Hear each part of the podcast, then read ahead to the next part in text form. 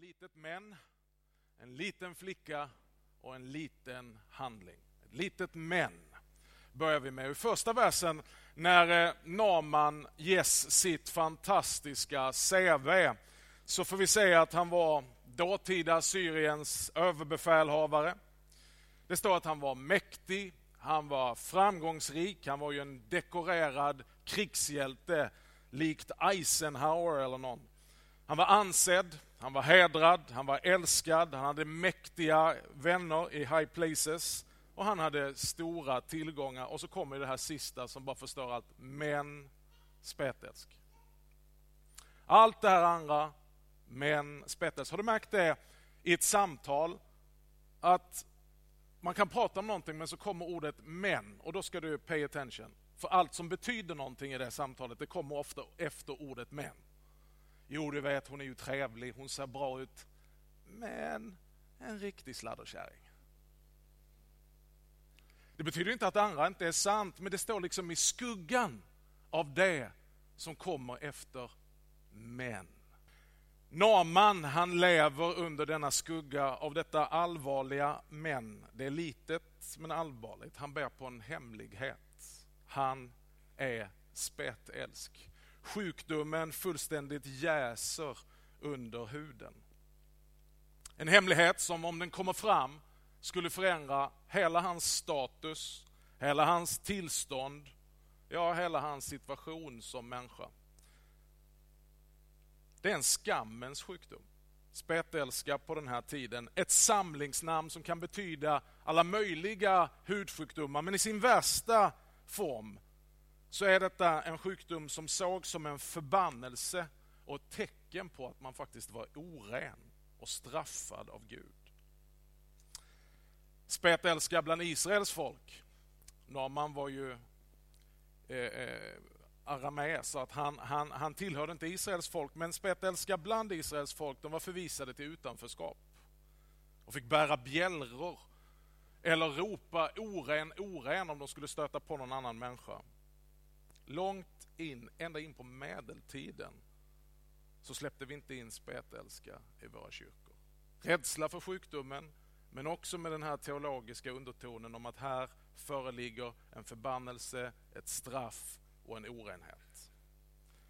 Låt oss inte fördjupa oss för mycket i spetälskan, men vi ska använda den som just det här menet. eller menet, som så många av oss också bär på som en hemlighet där under den dekorerade uniformen som kan se så ståtlig ut på utsidan. Man ser värdig ut, mäktig ut och man har sitt anseende. Men innanför uniformen bär man på en hemlighet, i Normans fall spetälska. En av världens äldsta sjukdomar. Omöjlig att bota på den här tiden. En infektionssjukdom som växer fram under hudvävnaden. Utvecklas långsamt. Till en början uppträder den som små fläckar på huden som efterhand ger en svidande klåda. Och de i sin tur leder till känselbortfall och i värsta fall förlamning. Håravfall, inflammerade slemhinnor i näsa och hals och i förlängningen så deformeras kroppen. Man får inflammerade bulor, man tappar fingrar, tår, näsa, läpp, öron. Ja, när eh, sjukdomen har gått så långt så ser man ut som ett monster. En skammens sjukdom. Inga medaljer, inga förtjänster, ingen ära, ingen värdighet, inga pengar eller tillgångar, inget nätverk kan förändra spetälskan. Den rår inte på det här. Därför blir spetälskan Namans hela fokus. Allting börjar handla om detta för att allt det andra är inte värt någonting om inte vi kan få stopp på spetälskan. Och nu hör vi att det börjar talas om spetälskan i hans eget hus. Man brukar säga att den friske har tusen olika önskningar men den sjuke har bara en.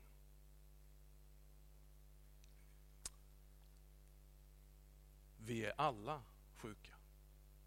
Vi bär alla på hemligheter som hotar att fullständigt kapsejsa hela vårt liv. Vi har knäppt uniformen, kanske satt på kragen. Vi polerar våra medaljer. Människan ser till det som är för ögonen. Men Gud, han vet hur vi har det på vår insida. Så är det också med en människa som har fått syn på sina egna sprickor, sin egen smärta, sin egen synd. Det bränner precis som spetälskan bränner i huden innan det syns. Så bränner vetskapen om min skuld i mitt samvete och i min själ. Det tar bort glädjen från allt annat. Det tar bort fokus och det skapar en ständig oro och fruktan. David säger i psalm 51 när han talar om detta. Jag vet ju vad jag har brutit. Jag känner mina överträdelser och min synd står ständigt för mig. Är det inte så du och jag också har erfarenheten? Att det går att gömma för andra, men det går inte att gömma för sig själv. Spetälskan må vara en väl förborgad hemlighet för den stora massan, men vad hjälper det när den brinner i skinnet på mig själv? Jag vet vad jag har brutit. Jag känner mina överträdelser. Alltid står det som ett sånt här riktigt dåligt Instagramfilter över en annans vacker bild. Det ger sodi åt hela livet. Och synden är som spetälskan. Den börjar i det tysta, i det lilla, kanske inte märks, men sakta men säkert så bryter den ner oss och förvrider oss till att bli omänskliga, till att bli någonting som vi inte var tänkta eller skapade att vara. När vi talar om syn så talar vi inte om teorier eller fiktion eller någon sorts imaginär konstruktion, utan synden är verklig. Synden är allvarlig och synden är brutal. Om man inte hejdar den så kommer den precis som spetälska att slå ut del efter del av vårt liv. I vår tid, och kanske alla tider, men i vår tid verkar det vara säkrare att hålla sin synd hemlig än att bekänna den. Har du haft en sån erfarenhet? Inte bara i kyrkan utan i samhället totalt. För när man kommer ut ur garderoben, när man kommer ut och säger som det är, så rycks verklighetens tillvaro, mattan under fötterna bort från dig och helt plötsligt så får du känna det, oren, oren. Och du förpassas till den här dalen för de spetälska och du hör för dig själv bjällran när du kommer gående och folk vänder bort blicken. Där är han, där är hon. Och så blev vi märkta. Det är ju inte konstigt att vi då skapar en kultur när vi säger you're better off att hålla det hemligt. Låt inte detta komma fram. För att om det kommer fram så är det inte förlåtelsen du får, utan fördömelsen. Kanske det kan finnas misstankar innan, men misstankar kan vi hantera. Men när det är uppenbart. Men tänk dig så annorlunda budskap Bibeln har. Bekänn era synder. Så är han som är trofast och rättfärdig, han ska förlåta er. Alla synder och rena er från all orättfärdighet. Jag tror att hela Sverige, hela vår samtid, hela världen kollektivt längtar efter att komma ut. Längtar efter att öppna sin dekorerade framsida och säga jo visst, ansedd, lyckad, framgångsrik, trevlig, många fördelar, men söndrig, fylld av smärta, tyngd av bitterhet, syndig, spetälsk. Det här är bekännelsens plats. Här får vi komma precis sådana som vi är. Inte bara i teorin, ja men vi är alla syndare. Nej, på riktigt. Och synden, precis som spetälskan, den kan vara brutal, äcklig, stötande, skandalös. Ett litet men, men inte så litet utan tillräckligt stort för att göra att hela livet faller. Där har vi Namans situation. Han sliter med detta. Och då kommer vi till en liten flicka. Ett litet män och en liten flicka. Här är då en ung flicka från Israel. Hur ironiskt är inte detta i berättelsens slut? Guds folk, det landet som Gud har gett sitt folk, har varit i strid med nuvarande Syrien då. Och de har gjort en räd och de har tagit beslag, de har tagit krigsfångar som nu befinner sig i Syrien och en av dem, det är en liten, liten flicka som nu är krigsfånge eller slav i Namans palats. Och det är genom denna slav, denna tragiska omständighet som Gud hittar vägen långt utanför Guds folk och en av de första hedningarna i Gamla Testamentet som får erfara Guds barmhärtighet i en svår och icke önskvärd omständighet. Vi kan ju med rätta vara besvikna och frustrerade över hur livet har blivit. Naturligtvis ingen av er, men ni har säkert hört om någon som ibland känner att det här suger mer än en flygplanstoalett. Det blev inte som vi hade tänkt oss. Vi hamnade i situationer som vi inte hade planerat. Det kanske ser ut som tillfälligheter, olyckor, slumpen har styrt vårt livsöde. Och vi vill ha tillbaka kontrollen. Vi skulle vilja forma vårt liv enligt vår plan och våra önskemål. Och det är inte de här stora vilda drömmarna utan du har hört det, man vill ju bara vara lycklig. Man vill ju bara ha kul. Kan man få ett break någon gång? Kan man bara få vara människa? Du ser helt frågande ut. Det här är frågor man aldrig har ställt sig i EFS Helsingborg och jag har hört ryktet om er frumhet. Men det kan vara kul några minuter att bara få lyssna hur andra människor har det. Den unga flickan i den här texten, hon har blivit utsatt för ett trauma. Hon var en krigsfånge. Vi skulle kunna likna det vid någon form av trafficking i vår tid. Otroligt. Trauma, fruktansvärt, horribelt, någonting som borde fördömas. Och nu tjänar hon som slav i Namans hus. Hon skulle med rätta kunna jubla när hon hör första rapporten. Naman är spetälsk. Då hade man känt, hm. där har du ditt svin. Nu straffar Gud dig. Det här kan du gott ha mot vad du har gjort mot mig. Vi skulle kunna förstå om hon tänkte så, eller hur? Nu finns det ju ingen här i EFS Helsingborg som någonsin skulle tänka så. Men vi kan ju förstå andra mindre frumma människor som ibland kunde tänka, där fick du. Ibland kan vi känna oss fruktansvärda. Jag har ju tre barn, två som är äldre och utflyttade och en son. Och ibland kan ju barnen vara kaxiga mot sina föräldrar. Och en gång så står en av mina barn, ska inte säga vilket, men jag har en son och två döttrar och det var inte döttrarna. I trappan, vi har två våningar så här och så är det så här slipad trä med olja så det kan vara lite halt i trappan. Och han står och säger någonting väldigt ofördelaktigt till mig och är liksom lite kaxig och så ska han vända sig om och så slinker han med foten och drar huvudet rakt i trappan och jag kände halleluja. Herren straffar somliga väldigt snabbt.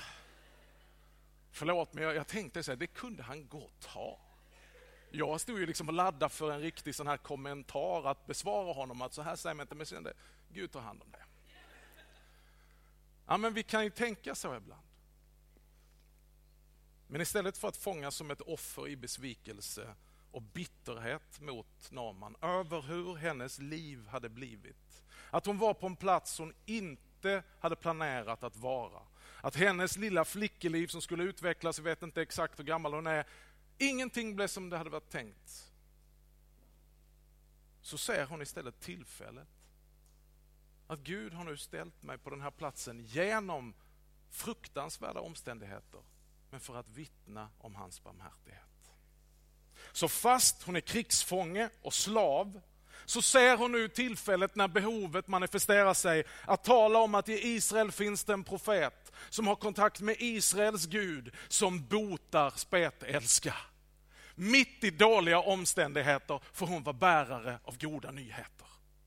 Jag menar du och jag, vi kan väl tänka oss att när liksom stämningen är rätt och det är verkligen goda omständigheter så kan vi väl säga någonting fint om Jesus. Men här, i omständigheter som absolut inte är de bästa, så omfamnar hon sitt öde och är ett vittnesbörd, ett ljus i mörkret. Den här unga flickan den har mycket, hon har mycket att lära oss om att förtrösta på Gud och leva i nuet, hur än nuet nu ser ut. Ibland känns det som att du och jag, vi är jämt på väg någon annanstans. Om det bara blir lite bättre, om vi bara hade bott lite annorlunda. Om barnen bara hade varit lite snällare. Om föräldrarna hade varit lite bättre. Om utbildningen hade varit liksom en helt annorlunda utbildning. Om min fru hade varit en annan fru, eller min man bara hade kunnat skärpa sig. Eller om det skulle vara si, eller om det skulle vara så, eller om jag var med i en annan församling. Om jag bodde i ett annat land, om jag tjänade lite mer pengar. Det känns som att våra omständigheter aldrig är ultimata. Välkommen till verkligheten. Här kommer de dåliga nyheterna. Det är inte säkert att de kommer att bli det någon gång utifrån dina parametrar. Hemligheten, det är att omfamna verkligheten precis sådan som den är.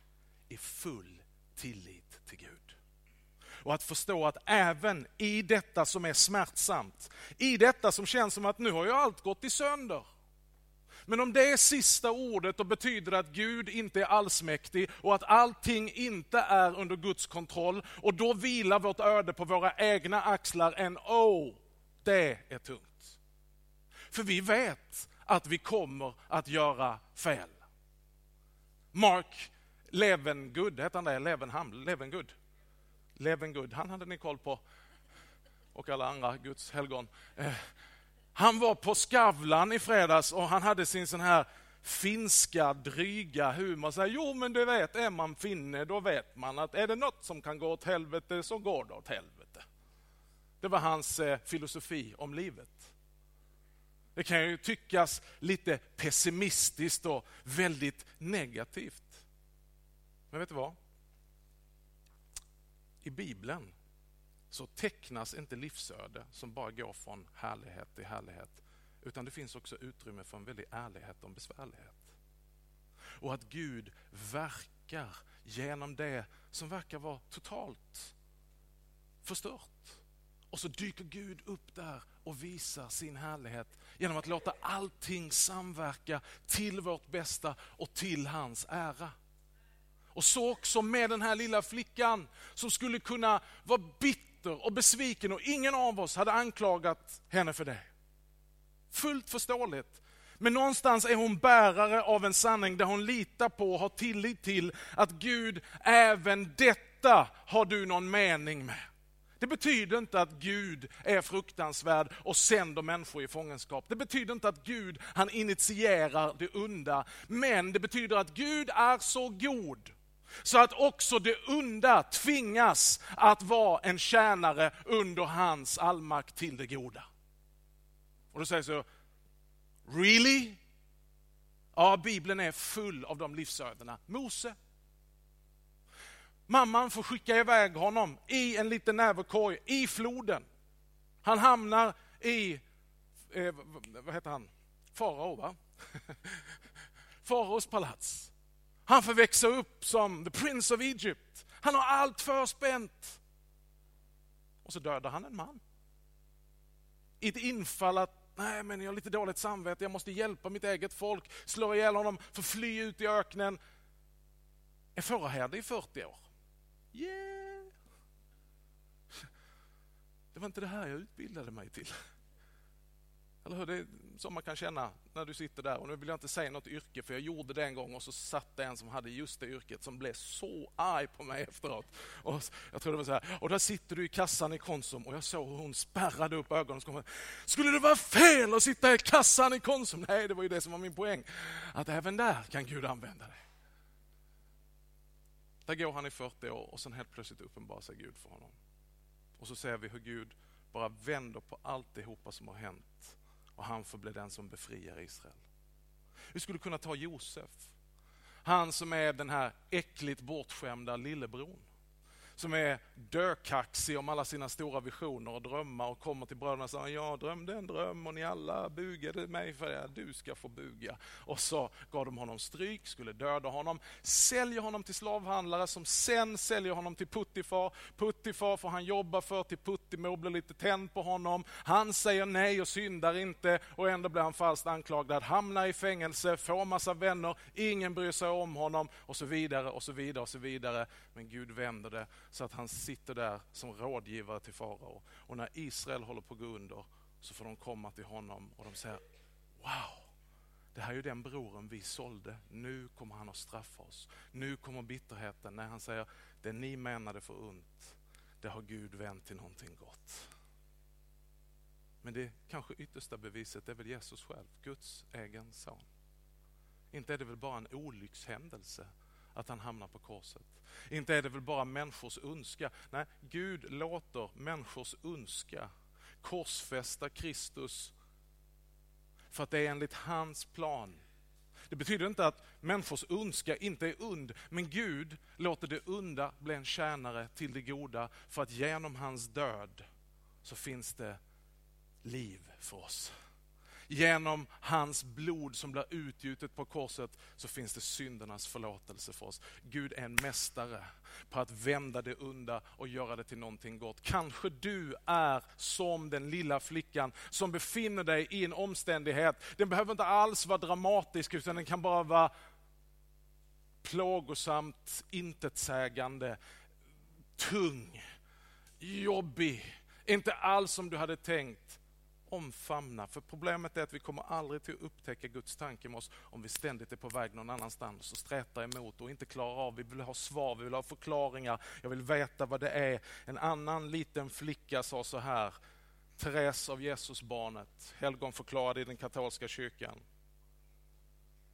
Hon säger, hur skulle jag kunna förtvivla inför livets smärtsamma förluster? Sedan länge tillhör jag inte mig själv. Jag är fullständigt överlämnad åt Jesus. Han är alltså fri att göra med mig vad han än önskar. Och mitt mål det är att komma till ro i Guds famn hur än livet ter sig. Underbart, eller hur? Kanske goda nyheter till oss att nej, du behöver inte sträta emot och försöka ändra och ha ändlösa krav på förklaringar och inte stå ut med den spänningen du befinner dig Jag känner med dig att det kan vara jobbigt, att det kan vara traumatiskt. Men mitt i det är Gud verksam och han kommer att vända det som ser ut till att vara slutet att bli en ny början. Och det här blir inte bara en ny början för den här lilla flickan, det här blir en ny början för Naman och alla han har inflytande över. Hela den här texten slutar i ett enda stort crescendo med ett vittnesbörd till Israels Gud. Du vet inte varför du befinner dig i den situation där du befinner dig på arbetsplats, i en familj, i en relation, på en utbildning. Vad helst ditt liv är, där har Gud en plan för dig. Bli inte blockerad av motståndet utan var öppen för Gud och säg Herre, i dina händer anbefaller jag min ande. Vi får lov att be som Jesus när han står inför korset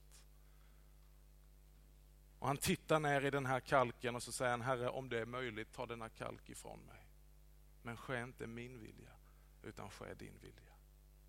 Det är okej. Okay. Du får lov att säga så. Det är en Gud välbehaglig bön när du ska gå in i detta nya eller i det du står i. Herre, du får gärna lov att ta mig härifrån. Herre, jag, jag, jag vet inte om jag fixar detta. Det skulle vara väldigt skönt om denna utmaning, detta lidande, denna pärs, denna smärta, den får gärna passera mig. Men Herre, ske inte min vilja. För det värsta du och jag kan vara med om, det är att Gud gör precis så som vi vill. Det bästa vi kan vara med om, det är att hans vilja får ske. Låt mig få avsluta med en liten handling. Ett litet men, en liten flicka och en liten handling. Om du kommer ihåg texten, så någonstans mitt i texten när Norman äntligen har kommit fram så bryter han upp i vredesmod. Han är irriterad, han är besviken och han vänder sig om och går ut. Och oj, om jag kunde räkna hur många förmiddagsgudstjänster, kvällsmöten och konferenser jag har varit med om människor som reser sig upp och går ut för att de är minsann inte nöjda hur det blev med det här tillfället. Vi hade ju tänkt att Gud skulle komma på det och det sättet. Har vi inte alla varit där? Vi har föreställningar och förutfattade meningar om hur Gud talar, vad Gud talar, vad Gud borde göra och hur Gud borde dyka upp och vad vi ska göra för att få honom att göra det. Vi köpslår med Gud och är beredda att betala ett ganska högt pris av goda gärningar, böner, löften och insatser för att liksom ge Gud en offer he can't refuse. Har du varit där? Gud, om nu du griper in, då ska jag aldrig mer. Eller då ska jag från och med nu. Precis som att Gud, wow, vi kanske måste ha ett möte här i himlen. Jag är inte säker på att vi klarar oss utan om du gör det. Vem tror vi Gud är? Att köpslå med Gud, att försöka förhandla med Gud, att föra in honom i en hörna och säga att nu Gud, om du bara svarar på den här bönen eller griper in eller gör det här, då ska jag. Och så kommer Naman till Elisa, Israels profet. Han har med sig 340 kilo silver och 68 kilo guld. Ett gemensamt värde i dagens penningvärde på cirka 30 plus miljoner. Alltså han är rustad för att ge Elisa en deal som han inte kan stå emot. Han förstår att det krävs någonting av han om Gud ska göra detta som är hans enda fokus. Jag måste bli av med denna spetälska, denna hemlighet, detta men som jag lider av på insidan. Han har de finaste kläder, han har ett helt entourage med sig. Och Elisa är fullständigt ointresserad av guld och silver för 30 miljoner. Han kommer inte ens ut ur sin profethydda. Lite arrogant kanske, men en tröst för oss predikanter som ibland kan vara trötta och arroganta. Han skickar ut en medarbetare och säger, säg till honom att åka till Jordanfloden och doppa sig där. Say what? Va, hallå? Var är mottagningen? Var är den röda? Eh, eh, här kommer vi liksom med värsta upplägget. Ska du inte göra någonting? Och så säger han väldigt tydligt, det låter som någon sorts karismatiskt möte. Jag trodde att han skulle komma ut och stryka sin hand medan han ropade till sin Gud i himmelen. Oj, vad vi har massa förutfattade meningar, vad vi behöver göra eller hur det ska gå till när Gud griper in. Och allt Gud säger, vatten, bröd, vin, ord från den Helige i det enkla, i det odramatiska. Vi dras till det extraordinära. Gud är som oftast verksam i det alldeles beige ordinära. Där har han knutit sin kraft och sin verksamhet. I det mest basala, vatten, bröd, vin, ord på läpparna från en predikant dina synder är dig förlåtna. I Faderns, Sonens och den helige Andes namn. Men så vill vi inte ha det. Utan vi vill uppleva känslorna, upplevelsen, blixtar och dunder, magiska grejer. Vi vill snurra, vi vill flyga. Kan Gud göra så? Absolut, Gud kan göra precis vad han vill. Men det finns en idé hos Gud att han vill inte knyta det till det här höga känsloläget hela tiden. För då blir vi alldeles för beroende av just den sinnesstämningen. Medan han vill att vi ska vandra i tro. I tro på hans ord. Och här står kampen för Naman. Ska han kunna tro? Han har en medarbetare som konstaterar men om man, visst är det så att om han hade sagt nu något väldigt, väldigt svårt, att du måste göra en klassiker eller du måste, liksom göra, du måste göra någonting som är otroligt krävande och, och, och svårt. Hade du då inte gjort det? Men nu har han ju bett dig om någonting alldeles enkelt. Låt mig avsluta med det. Din och min spetälska. Det som vi bär inom oss som är sönder. Det som vi skäms över och är livrädda att det ska komma fram. För vi är rädda att vi skulle då få skammen. Verkligheten om oss själva hade inte bara begränsat sig till den dekorerade uniformen, vårt anseende och vår heder. Utan men också, och så kan du fylla i blank. Det som vi fruktar, men förstått att vi måste ta det någonstans innan det äter upp oss inifrån. Och jag vill tala till dig, du som känner dig uppäten inifrån. Hur ditt liv sakta men säkert bara äts upp av detta som är din oro. Detta som är din skuld, detta som är din skam, detta som är din synd. Och låt mig då få vara den lilla flickan som idag med värme talar om Israels Gud. Som har kommit till oss i all enkelhet, i ett litet barn, i en liten krubba, i ett litet stall. Så gör väl inte Gud entré? När himlen ska lansera sin senaste produktutveckling i frälsningshistorien så är det inget Apple-event.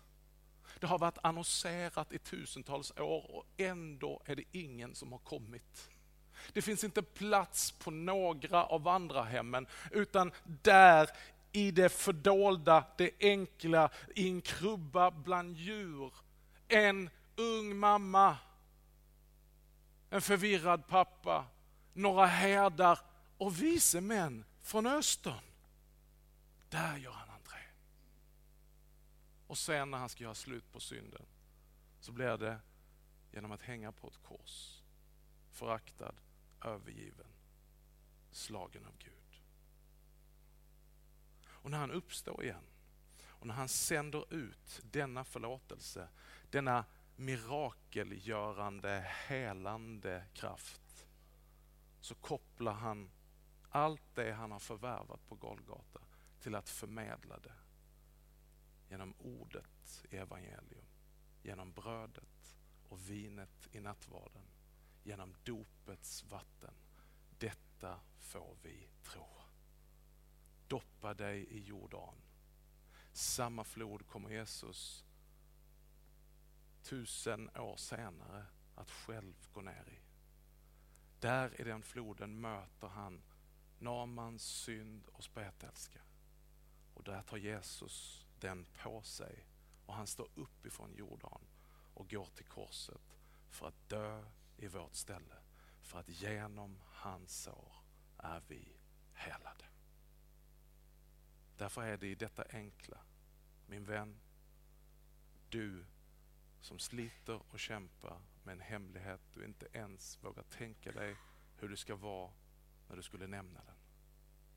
Du som redan nu på förhand skäms, känner en tung skuld, är tyngd av ditt samvete.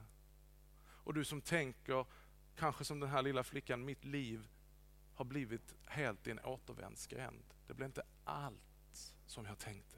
Kan Gud ha en plan med detta? Här kommer ordet ifrån himlen. Dina synder är dig förlåtna. I Guds Faderns, Sonens och den helige Andes namn. Gud vakar över ditt liv. Och han skulle inte tillåta någonting av det som har skett som också är smärtsamt att ske om inte han kunde använda det för sin ära och ditt bästa. Ära vare Fadern och Sonen och den helige Ande. Nu och alltid och i evighetens